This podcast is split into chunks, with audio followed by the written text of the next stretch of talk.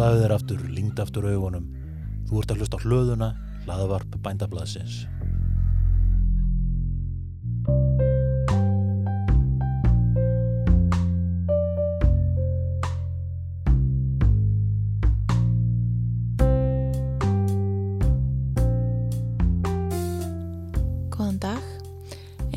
Nefndi í lók síðasta þáttar um fæðuöryggi hef ég hugsað mér að færa mig frá stjórnsýslulegum hliðum fæðuöryggis yfir í fæðuöryggi einstaklingsins og heimilisins. Ég spjalla hér við mektar hjón sem ég tel hafa komist tiltölulega nálaðt í lífverðni að geta nærst vel á eigin garðrækt. Ég tók viðtal við þau Dagný og Sigurð fyrir bændablaðið árið 2017 og lætt hlekk að því fylgja hér með þættinum. Þar er hægt að fræðast betur um vegferðira að því lífverðni sem þau hafa tilenga sér, sem snýst meðal annars um að sapna, rekta og vinna úr matvælum úr landskika sínum skiknisteini í bláskóðbyggð. Þau hafa einnig verið að deila þekkingu sinni og ymsanhátt meðal annars með því að útbúa ætt listaverk í almanarími borgarinnar. Í þessu spjalli förum við um víðanvöll í umræðu um fæðuöryggi einstaklingsins og heimilisins og ég vona hlustendur hafi gagn og gaman að nú þegar sumarið er komið.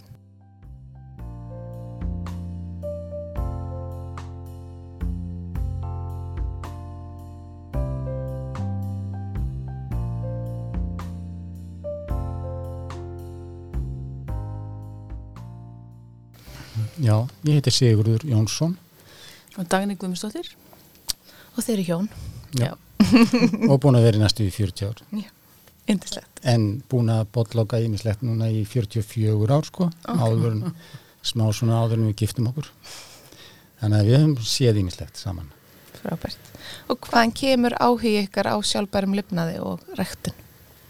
Já, ég held að þetta sé svolítið gamma gróið. Ég minna að fóreldur mínu voru svona fólk sem að kann að nýta og fer vel með en líka getur tekið ákvörðum að gera alls konar hluti.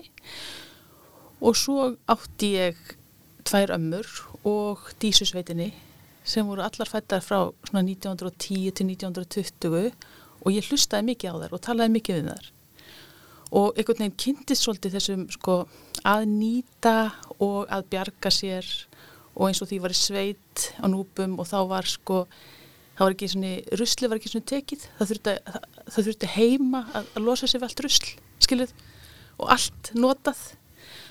Og svo fór ég til Noregs þegar ég var 17-18 ára, hvað, 76-7 og þá var svo mikið umhverfismál og mikið rætt um það og alls konar mikil umræða um að það væri ekkit endalust til að ráefnum og, og, og ég var mjög upptekinn að þessu. Og ég var mjög einhvern veginn bara þetta passaði einhvern veginn og, og hérna hyllaðist að þessu, ekki bara hyllaðist að þessu, var bara þetta skipti máli. og þá fekk ég þá svo hugmynd að ég ætlaði bara að flytja við sveit og bara sjálfþursta búskap þar að rekta mér til matar og svo ætlaði ég bara að vinna á kvöldin, nei kvöldin og vitnar og, og hérna já, bara vefa og, og vinna í textil og gera eitthvað svona Þannig að þetta er ekkit nýtt. Þetta er ekkit eitthvað sem okkur dætt í hug, sko, hérna, veist, fengum ykkur hugljómun fyrir nokkur mánu síðan.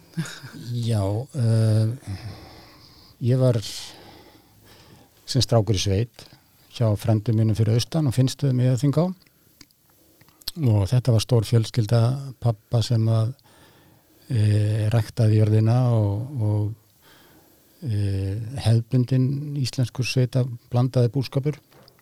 Þar kynntist maður þessari ræktun fyrst og, og e, svo á svona unglingsárum og mentarskóla árunum þá var ég svo heppin að, að vistfræði var að koma sem námsgrein í, í mentarskóla og uh, þarna var umræðan um að það væri til ykkur endimörk vakstarinn sem að annars var bara mandran að öllu öðru leiti. Það þyrti eitthvað aðeins að fara að skoða það. Þannig byrjaði þetta. Hafið þið alveg frá upphaf ykkar búskapar verið að rækta eða verið mjög meðvituð um matinn á heimilin ykkar? Sko, við höfum ekki verið að rækta. Við höfum ekki eftir aðstöð til þess allstaðar. En við höfum alltaf svona unnið úr mat og bara tekislátur og, og hérna sultað og saftað og bara verið samtaka í því og svona farið svona vel með og mér finnst til dæmis hefur alla tíð fundist allt sem heitir sóun vera eitthvað svona sem mér hugnaðist ekki og bara á öllum sviðum í raunverulega sko. mm. þannig að þetta já, það er bara alltaf verið í okkar tilveru einhvern veginn Mm -hmm. Já, já, en við leiðum hérna kartablu land hjá Reykjavíkuborg þegar við byggum hér og vorum með garð í garðastrætinu og líka öldugötinu og svona viðar sem við höfum verið þannig að við höfum alltaf reynda svona aðeins að halda okkur út í garði. Mm -hmm. og svo bara eftir aðstæðum hvaða er sem við höfum að gera þar nákvæmlega. Og kannski langa miklu meira heldur en að haft aðstöð til að gera sko. Og mér fannst ég kunna miklu meira heldur en svo áttaði því þegar við fluttum östur að ég raun og veru hafði ég eiginlega einslu en ég hafði einhvern veginn alltaf hugsað mig sem ræktunamanniska og mér fannst bara það að vera eitthvað mitt og ætlaði að fara. Og sóttum í gargiskónum því ég var unglingur og bara komst ekki inn. Þannig að það var mín sjálfsmynd en kannski reynslan ekkert svona mikil Og hvenna fóruðu þá að sökku ykkur ofan í þetta? Já, það var eiginlega þegar við fórum að hugsa um að við varum tilbúin til þess að skiptum gýr og, og flytja úr borginni. Þá fórum við að leita okkur að stað og fórum vítt og breytt og, og vorum heppin að finna þennan stað sem við erum búin að vera rægt á síðan. Þarna var fólk búið að vera að búa til skjól í 30 ár, fjölskylda sem að e, hafi helgast í þennan stað og við fjallum algjörlega fyrir þessu og það var engin matjörstaræktun en, en við fengum skjólið frá skóginum og góður jarðvegur og að vísu eiginlega upp á hálendinu en, en það var bara svona áskorun að það væri líka hægt að rækta þar.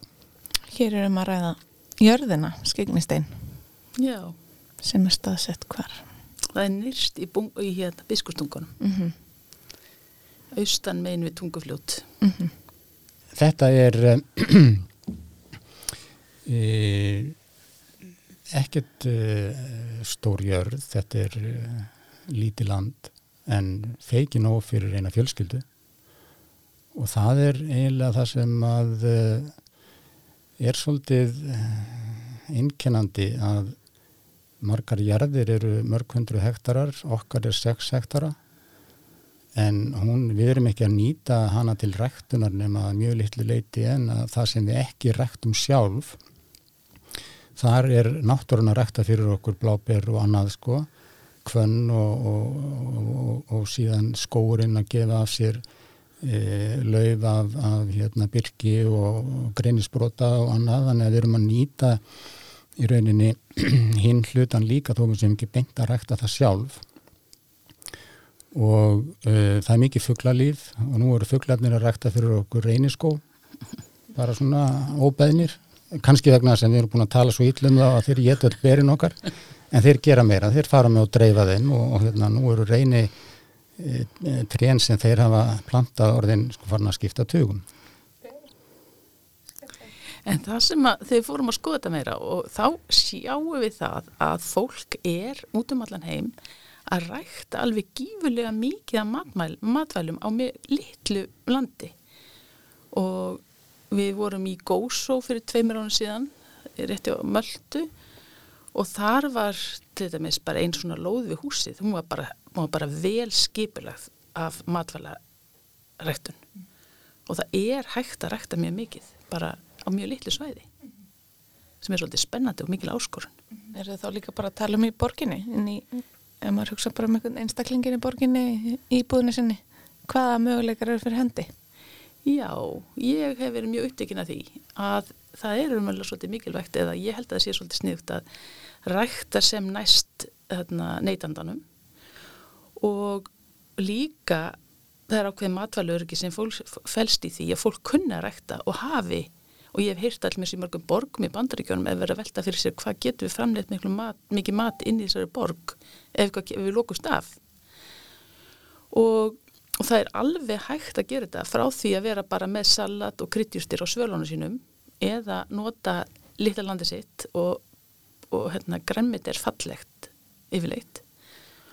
Og svo er líka ég úrslega upptikinn af þessu að rækta í almannarými.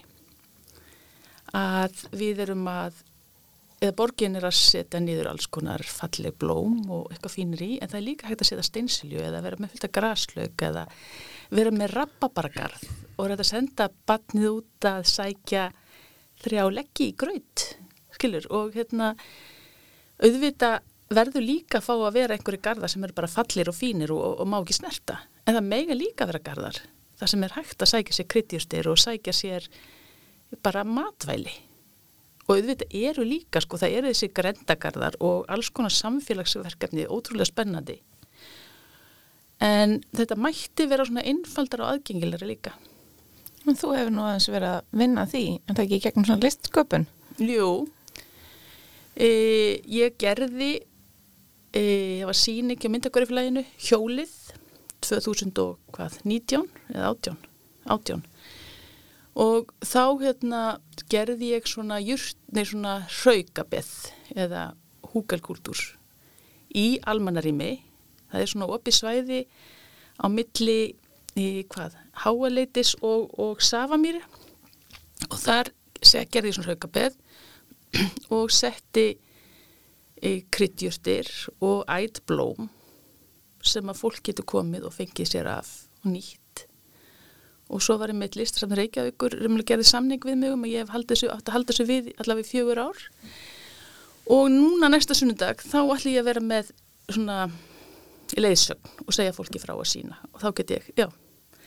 Og þetta er akkurat hugsunin að hafa það er svolítið, það sem ég hugsaði, það er svolítið gaman að hafa þetta þannig, þessi raugur, en mér finnst það svolítið fallegur, fólk getur komið, sótt sér krydd djurtir, sótt blóm í salati sitt, e, hýst, spjallað, þetta er svona bæði svona fólk að, að vera saman að gera eitthvað og líka að nýta. Og líka vekja kannski þess að hugsun að þetta er hægt að nota þessi rými miklu meira. Um, bara fyrir þá sem ekki vita, hvað er raugur? Raugur, raugabið, það er umhverjulega hrúa og þetta er svolítið áhugavert. Við, þegar ég gerði þennan raug, þetta raugabið, og þá gróf ég svona gerði gröf og fylgti gröfina af e, trjá e, drumbum, einhverjum mjög stórum og svo einhverjum lífrænu massa meira og setti svo torfið á kvolv og setti allskeins moldu og mold og bjó hlóði þetta svolítið upp þannig að þetta var svolítið góð hrúa og kosturinn við þessa hrúur er það að þegar þetta rótnar þá e, myndast hiti og svo myndast næringarefni líka, þetta róttar niður. Og líka þetta heldur svolítið vel í sér raka þannig að raka, þetta verður ekkert á floti en um leið helst rakin vel í þessu. Þannig að þetta er umvel alveg ótrúlega góður staður til þess að rækta í og líka þetta er sko lítið pláss sem þetta tekur en þetta yfirborði verður mikið þannig að það er að koma miklu magni af plöntum í eina svona hrúi og svo er líka hægt að hugsa að það að sumt er meiri í skjóli, sumt, annað er mikið í sól, þannig það er að búa til aðstæður fyrir margskonar plöntur í einum raug. Það er raugabæð. Mm -hmm. Alveg steinleikur alveg. og það er að nota þetta, það er að gera þetta allavegana og, og nota þetta mjög víða og við höfum verið að gera þetta hjá okkur og fleiri og það er alveg margi sem eru færðan að nota þetta núna. Og, og ég... meira segja, talandum að hafa lítið pláss, að ef að plássið er mjög lítið þá er raugurinn einmitt til þess að búið til meira pláss af því að hann fer upp og svo aftur niður í staðin fyrir að allt sé flatt á litla plássinu. Og svo gerðum við annað e, 2013 þá tóku við þátt í annari síningu við Siggi og það var í þingoltunum og þá gerðum við svona júrtasveip það er svona hlaði grjót í sveip og með mold á milli, ég veit ekki hvort fólk skilur þetta og þar settum við mitt eitthvað svona ætt fyrir fólkið í hverfinu til að nýta sér Þannig, og það er svona svolítið fallegt það er líka svona, svona sjónrægt fallegt og hægt að koma fyrir á mjög litlu svæði og einmitt í svona, á svona torgum og, og svona í þjettbíli mm -hmm. og það hefur verið að aukast. Það er meira af berjarönnum og það er meira þetta er sagt, og fólk er að setja eplatri eða, eða borgin hefur á vegum borgarinn að verið að setja eplatri og alls konar, já, alls konar.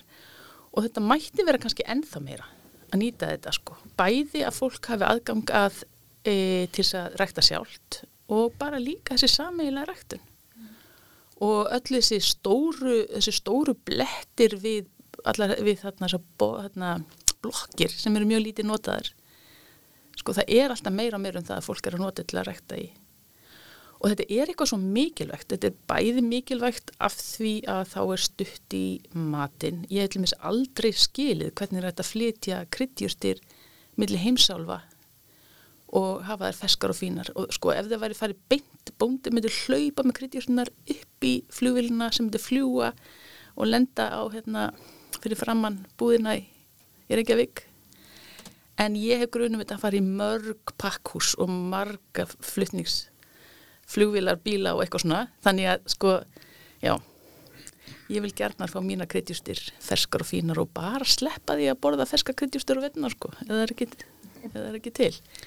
Svo er líka þetta að fólk hafi svona skilning af því hvaða er raun og veru mikill langur og mikill ferill að rækta græmiti ef við hugsaum bara allmis eitt blómkálshöfu þú veist, allt frá því að framleiða fræ búið til sáðmóld sá, hugsaum hita og raka dreifi sá, passa upp á plöntunar gera moldina tilbúna, búið til moldu þetta er svo langur og mikill ferill. Það er bara svolítið mikilvægt að fólk einhvern veginn skinnja það hvað þetta er mikið.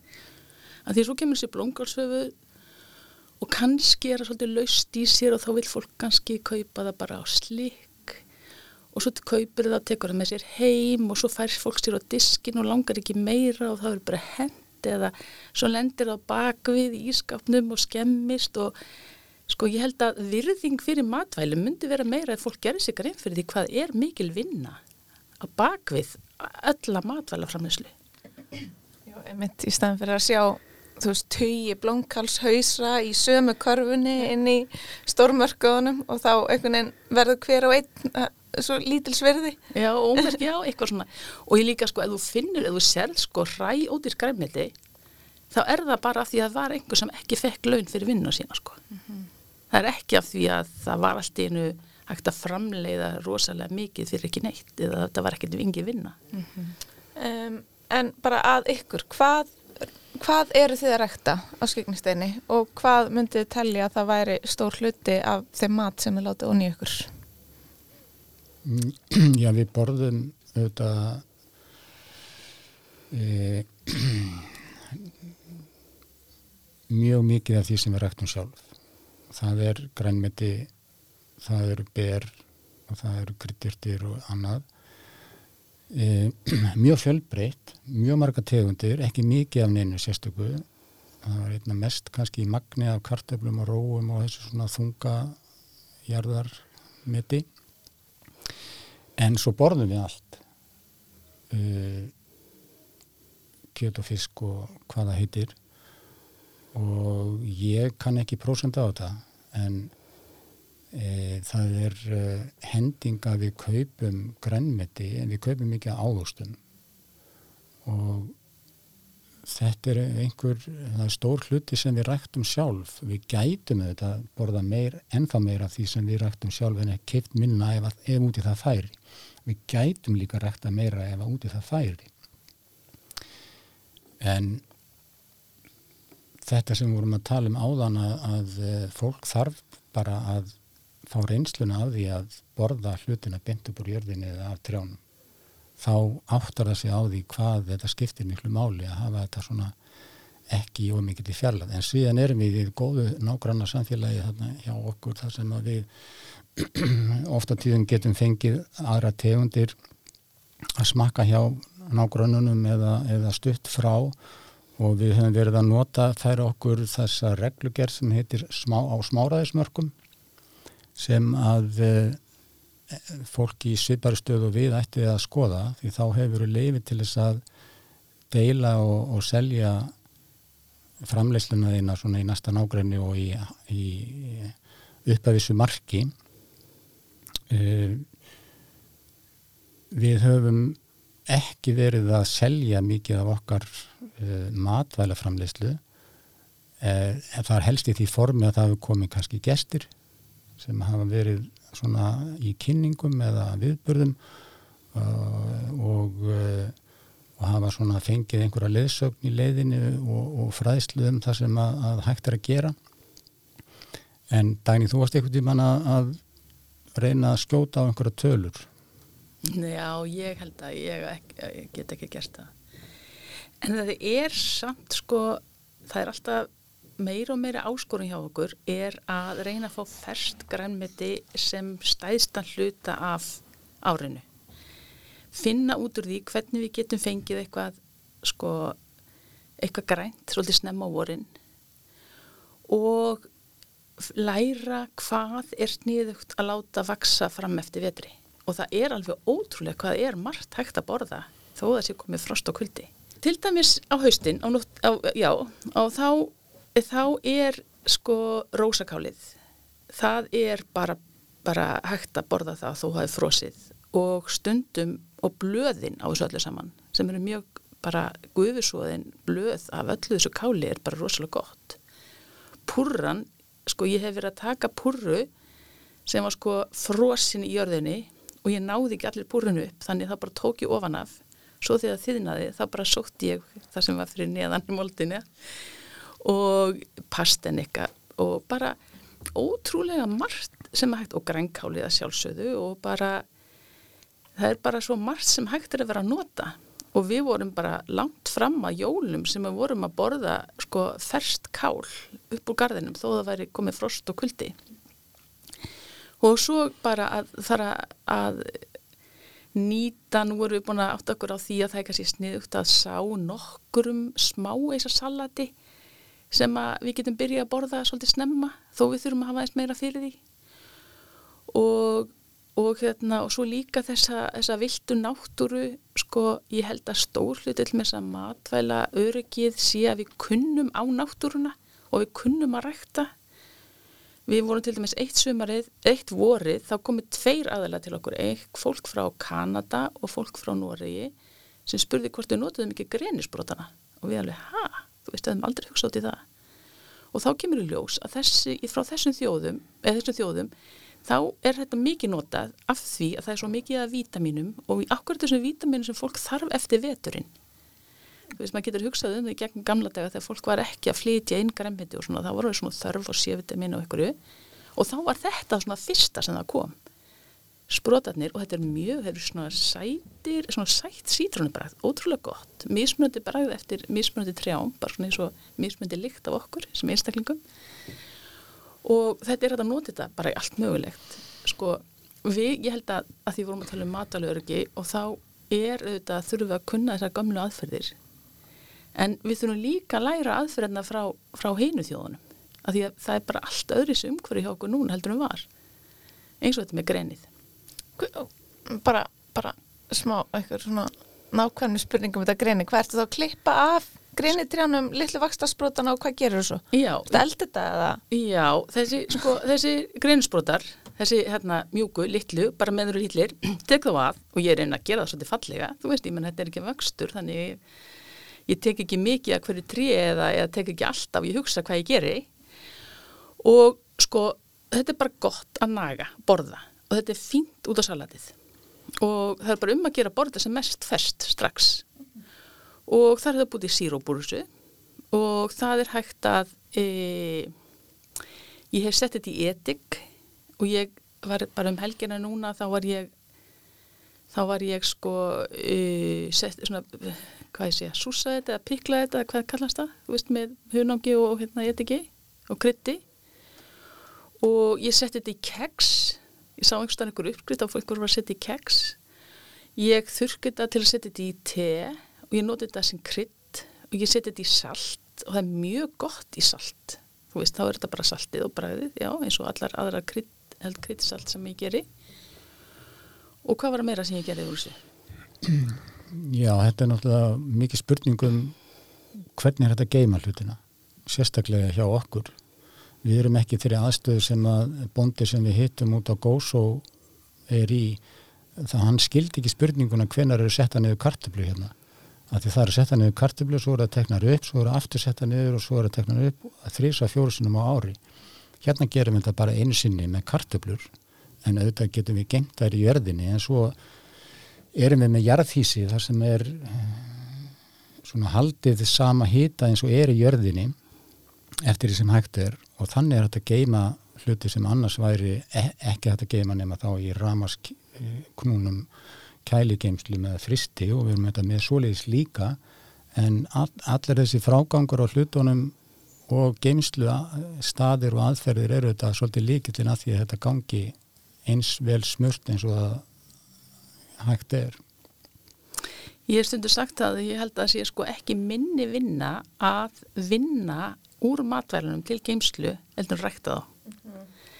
og bara sko eins og vorum að segja sko frista og súsa, við gerum mikið að súrkáli og salta og setja í sigur og bara nota allar aðferðir. Þetta er, þetta er mjög mikil vinna og þurka en þetta er samt alveg ótrúlega spennandi og það er svolítið gaman að sjá hvað eru margi möguleikar og, og ég er ofta að hugsa um það sko allt þetta fólk sem er að koma annar staða frá eins og frá Austur-Evrópu sem að það sem er svo mikil og góð hefð í að sko nýta svona matvæli og varðveita þau.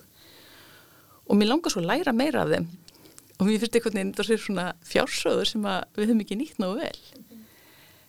Og eitt sem ég hef ekki gert mikið af en gert þó að sjóða niður. Og kannski er kannski alveg gott að setja hlutin í fristi eins og vera sjóða niður en mér finnst bara eitthvað svo mikilvægt að kunna sjóða niður. Hva, hvað þarf ég að sjóða þetta mikið og hvernig þarf ég að gera þetta svo að skemmist ekki?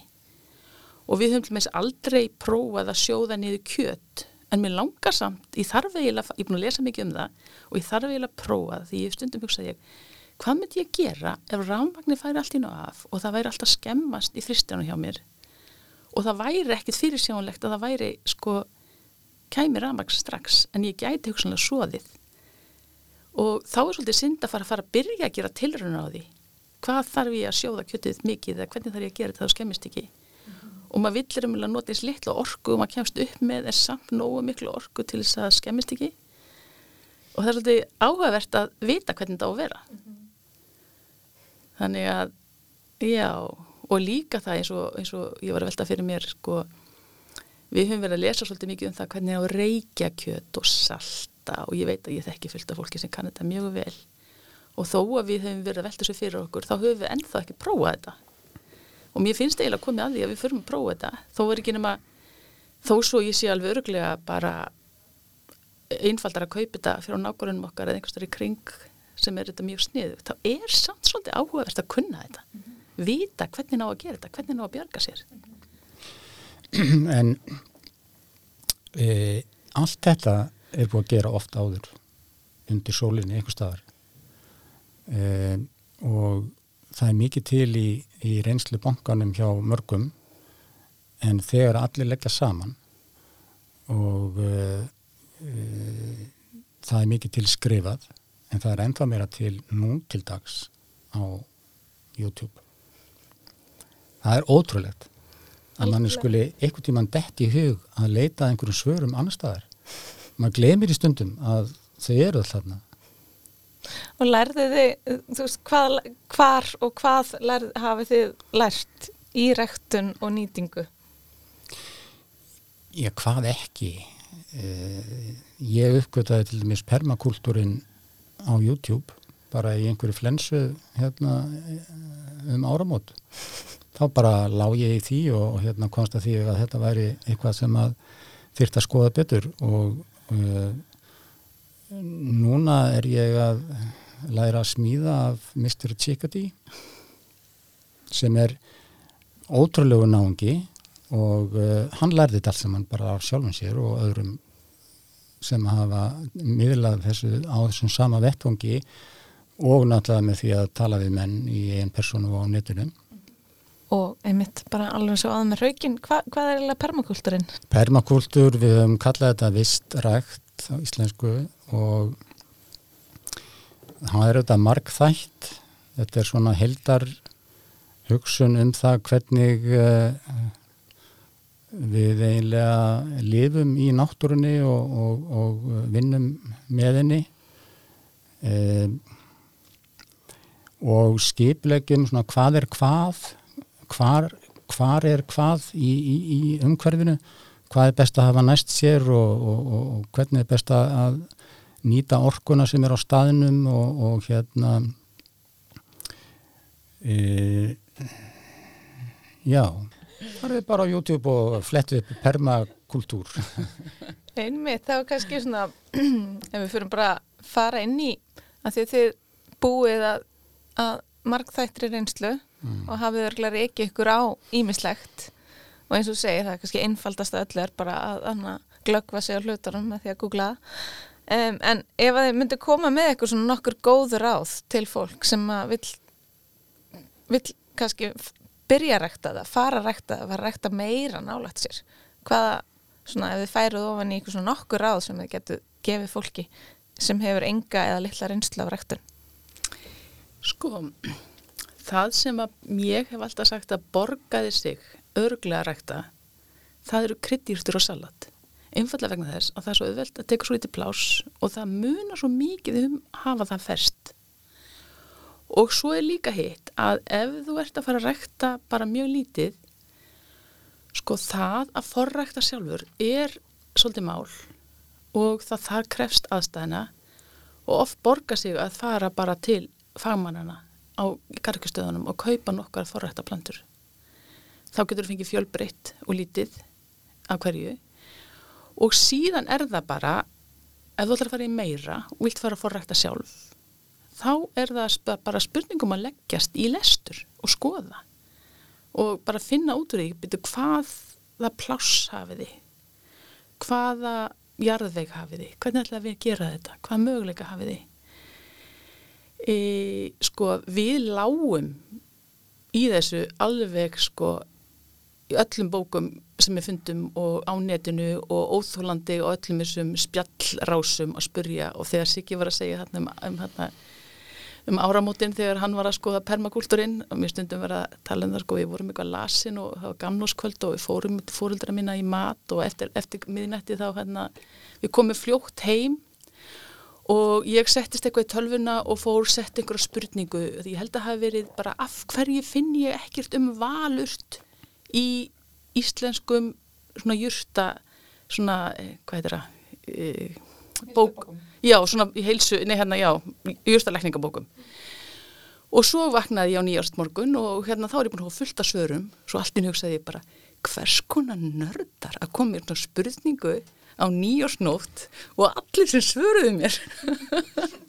Þetta er eitthvað neyn sko þetta er bara, maður, ég, við alveg bara heldum okkur í þetta og leitum og spurjum og spurjum og spurjum og fólk er til í að kenna manni. Og svo er þetta líka spurningin um að svo öllast maður reynslu og eins og við e, erum með lífrænaræktun eða þess að við notum ekki tilbúin ábyrð og svo ég hef oft hýrt gardirskjumenn segja sko, þú veist að það er bara þá veit maður ekki hvaða ábyrður er.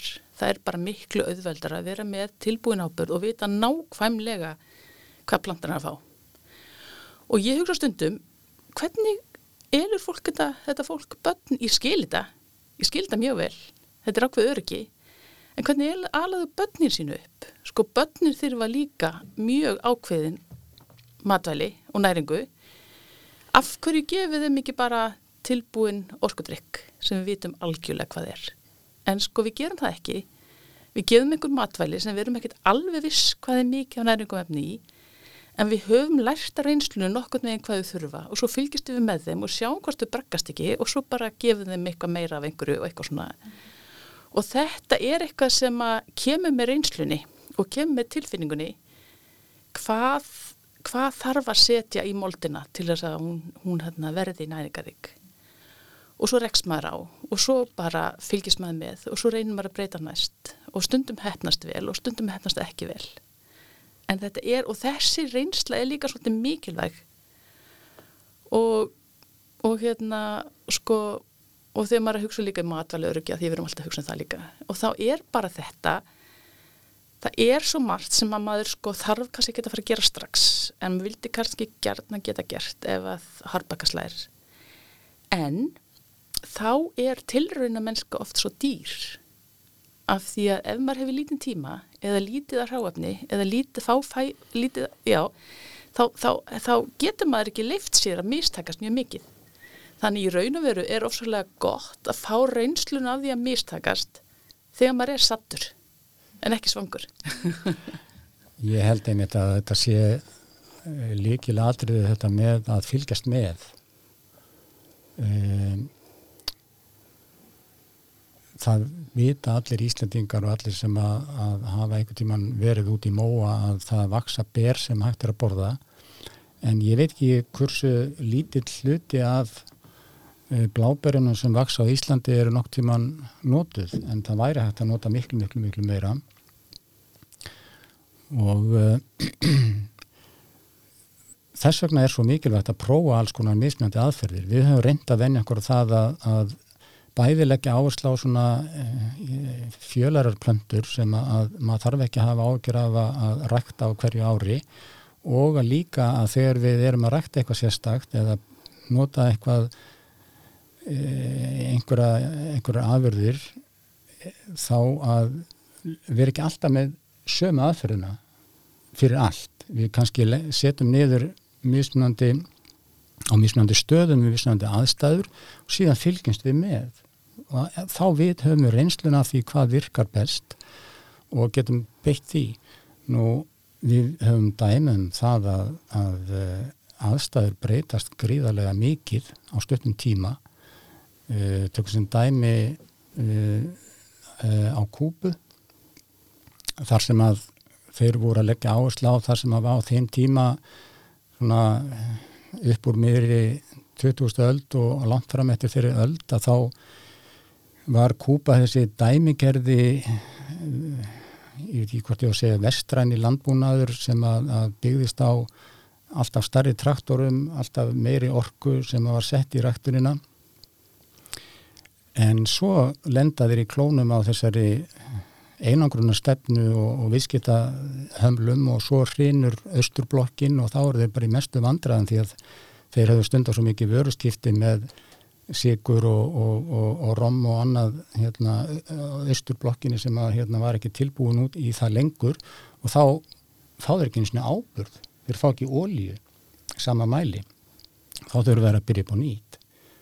Og þeir voru hefnir vegna þess að þeir hefur lagt mikla áherslu á mentun í alls konar greinum og þar á meðal líffræði og efnafræði og, og þessum greinum sem að gerðum kleift að búa til eh, lífrænar eh, aðferðir við að rekta í staðin og eh, núna eru þeir sennilega það land sem að er komið lengst í því að vera með svona rektun á, á lífrænum afverðum mjög víða þar sem að almenningur er að taka þátt nálagt einmitt bæjum og borgum og svo eru sölustæðinir mjög vel mertir inn í, inn í þessum bæjum og borgum og, eh, og þeir hafa náður þeir að snúa þessir algjörlega á kvolv með hvernig þetta var áður. En við erum að tala um það að fólk er að rækta og fólk er að vinna hlutina sjálft. Mér fannst svolítið aðteglisvert þegar ég var að skoða bókininnar Hildar Hákonundóttur ætigarðurinn, þá segir hún eitthvað í það áttina, ég man ekki nákvæmlega það var, en að það að rækta grænmeti fyrir eina fjölskyldu, það væri eitthvað sem maður gæti ekki gert með fullir vinnu. Og ég, það kemur svo margt fólk til okkar og ása viðbyrði hjá okkur eitthvað svona og það er svo margir sem er eitthvað inn að berja sig, þú veist, ég ætlaði að gera þetta og þetta og svo ger ég ekki neitt. Og það er mjög slæmt það er mjög slæmt ef fólk er alltaf með einhvern móral yfir því að geta ekki rækta allt sem maður er að rækta og gera allt sem það ætla að gera. Aftur á móti sko er líka hinspurningin sko eins og hún sagði sko þá er maður bara að minga þessi vinnu. Og það er svolítið synd hvaða er viðist verið erfitt að minga sig vinnu á Íslandi. Er eitthvað svona móral allir er verið svo sko verið fullir vinnu? Og eða sko, auðvitað eru margir í þannig vinnu að það er ekkert hægt að hafa minni starfslutvall en ég held, sko, og svo er líka mjög margt fólk á Íslandi sem er bara, hefur svo lítið millin handana að það verður það bara næruvall dugarvalla, en ég held að, að þorrin af Íslandingum gæti alveg no, sko lifað á færri krónum ef það hefði meiri tíma til þess að e, vinna matinn sin sjálft til þess að rækta eitthvað sér til matar, til þess að sinna fötunum, sinna börnunum, sinna öllum þessum grunnþörfum sem er í raunverulega mjög áhugavert og skemmtileg vinna. Og sérstaklega sko en, en, en sko það þarf tíma í það. Og já og það er mikilvægt. Og ég held að og ég held í raun og veru sko að þetta sé eitthvað sem að, að sko skiptir máli að hafa möguleika og að minga við sér launavinnuna og að nýta tíman í að gera ykkur alls konar en það er líka, það er svo ótrúlegt að hægt að hafa allt heimilishaldið svo miklu, miklu ódýrara ef að fólk öðlast sko kann eitthvað til verka og hefur tíma til að vinna það mm -hmm. og ég held að það sér mjög mikið lífsfylling hjá mjög mörgum og flestum sem kemur með því. Og ég hef líka grunuð það að svona í samkvæmdi börnin og barnauppeldi að sko ég, ég hérna það þarf ekki alltaf að vera að leika við börn. En aftur á móti að börn sem eru með fóreldri sínum að vinna og gera. Og það, það er, ég held að það, það væri ansi gjöfildu. Það er ákveðin leikur líka. Þegar við vorum að, þegar við vorum að rækta, byrja að rækta og alveg bara með hugan fullana öllu sem við ætlum að gera og þá man ég mitt eftir því að Siggi segði, sko, við vorum að setja niður alls konar berjaruna og svo segir hann allt í hennu býtu en bara öll þessi ber hérna í kringum okkur, þú veist og ég var að skoða júrtir og langaði að nýta meira allar júrtir sem eru ætar og ég var svona, fjekk stundum bara svona panikast, þú veist. Það gerist allt á sama tíma vorin það er bara allt innum hlínar og hættir að vera sem sagt, maður trúir því að kom ekki meira nætti frost og þá þá þarf þurfa allar plöntunar að koma út. Og þá er akkurat byrki tilbúið til að nýta það og greintrén og, og, og, skilur, og þá ég stundum bara svona, þú veist, og hérna, svo allt í hennu ofta heima á því að það væri kannski nóg að vera með þessar nokkara júrtir og nýta þær og svo bara bætti ég við svona einni nýri júrt á ári. Þannig að ég held ekki að ég þýrt að gleipa allt á sama tíma. Og líka það að það er einhvern veginn þetta að njóta stundum sko þar ég minna mig á að e, njóta þess að vera rekta en ekki bara vera stíf af stressi eða koma allir og klára allt.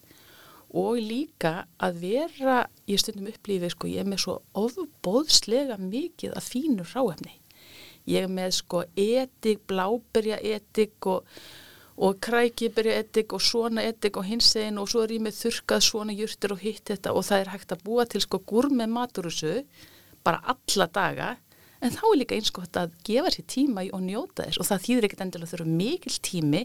Það þarf fyrst og fremst að vera með hugan við það. Muna eftir að setja svolítið af grenisbrotum ofan á hérna, pikluðum bregnisbrotum ofan á matin og gera hann fallegan. Og muna einhvern veginn eftir að njóta og vera og gera. Ég held að það sé svolítið mikilvægt og ekki vera einhvern veginn að, að sagt, sperra sig En svo er þetta líka það að þú þart ekkit endilega sem einn fjölskylda eða heimil að gera allt sjálf sko.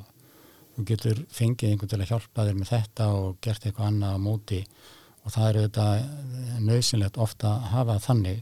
En þetta með að rækta svona nálagt sér eða við heimilið, það eru þetta svolítið fórsenda fyrir því að þú getur verið að fylgjast með þannig að sjá hvernig þetta gengur og, og, og grýpa inn í ef að þarf. En, en hittar hann að mála að ég held að fólk miklu oft fyrir sér að það þurfa að gera svo mikið til þess að rekta en í raun og veru er það náttúran sjálf sem að er að gera þetta. Þú þarf bara einhvern veginn að uh, vita hvað þú þarft að gera til þess að koma því að stað og leifa því að vera til skiljuru, ekki hafa bara hérna einhvern sandkassa eða leikull eða bílastæði heldur hérna eitthvað sem færi á fyrir náttúrun að búa til sinn frumskó sem að hérna gefur eitthvað af sér. Og þá er kannski þetta að hugsa það líka, allir sér það fólk sem er í borgum, það er kannski einhver sem hefur aðgang, er með, er með bíl og hefur aðgangað í rætta karteflur og rói svolítið langt úr heimilinu, en hinn fjörskildan hefur aðeins stærri gardi kringum sig og getur verið að rækta eitthvað annað og svo bara skiptist fólk á og skiptist á krukkum. Það er nú ansi mikið af krukkum sem að rúnda um í kringum okkur. Við förum með, með krukkur bara út um allt. að þetta er okkar rafmynd sko, kröfunar. Því meira sem ég hugsaði um fæðurgi, þá held ég að það snúist um það, það snúist um þekkingu. Að fólk kunni á umhverju hjá sér, kunni, mér finnst þetta með alveg frábært þetta með þörunga, nýting á þörungum og fólk þekkir um að kunni að nota og kunni á þau matvæli sem eru til. Þannig að fólk geti nýttug almennilega og já, kunni elda. Þetta er bara þekking. Við getum ekki verið að sapna endalust eitthvað, við getum ekki fyllt all húsa matvælum sem að döga í marga vikur. En við þurfum að geta notað það ráefni sem við fáum upp í hendunar og vita og sjá hvað ráefnið er.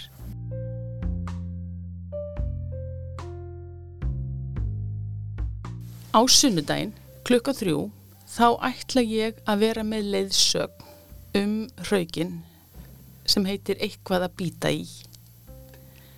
Og segja frá bæði tengjan sem að segja hann frá honum sem myndlistaverki og líka e, hvernig hann er hugsaður sem matvæli í almannarími og hvernig ég hef gert þessar hraug, þessi hraugabið sem ég hef verið að gera Já, frábært, þannig að þetta er svona maður getur komið hann að bæði til að læra smá um rektun og um leið um, um nálgast þetta fagur fræðilegan hátt. Já, en það er þessi 20. og 7. júni já, skulum láta linka á viðburð. Flott. Með það ekki bara Já, í framhaldi af þessu mjög áhugaverða samtali við þau Dagný og Sigurð þá er ekki úr vegi að skora hlustendur að rekta eitthvað ætt í sumar hvort sem það heitir að lauma nokkur um kartablum ofan í mold hafa salat á pallinum tómatablöndu í stofugluganum eða planta ávægstatri út í gardin svo er líka hægt að fara til móa eða fjöru og samna nýtjablöndum í náttúrunni. Eins og Dagný og Siggi sögðu þá er þetta spurningum að njóta, vera og gera. En þangar til næst, takk fyrir að hlusta og góðar stundir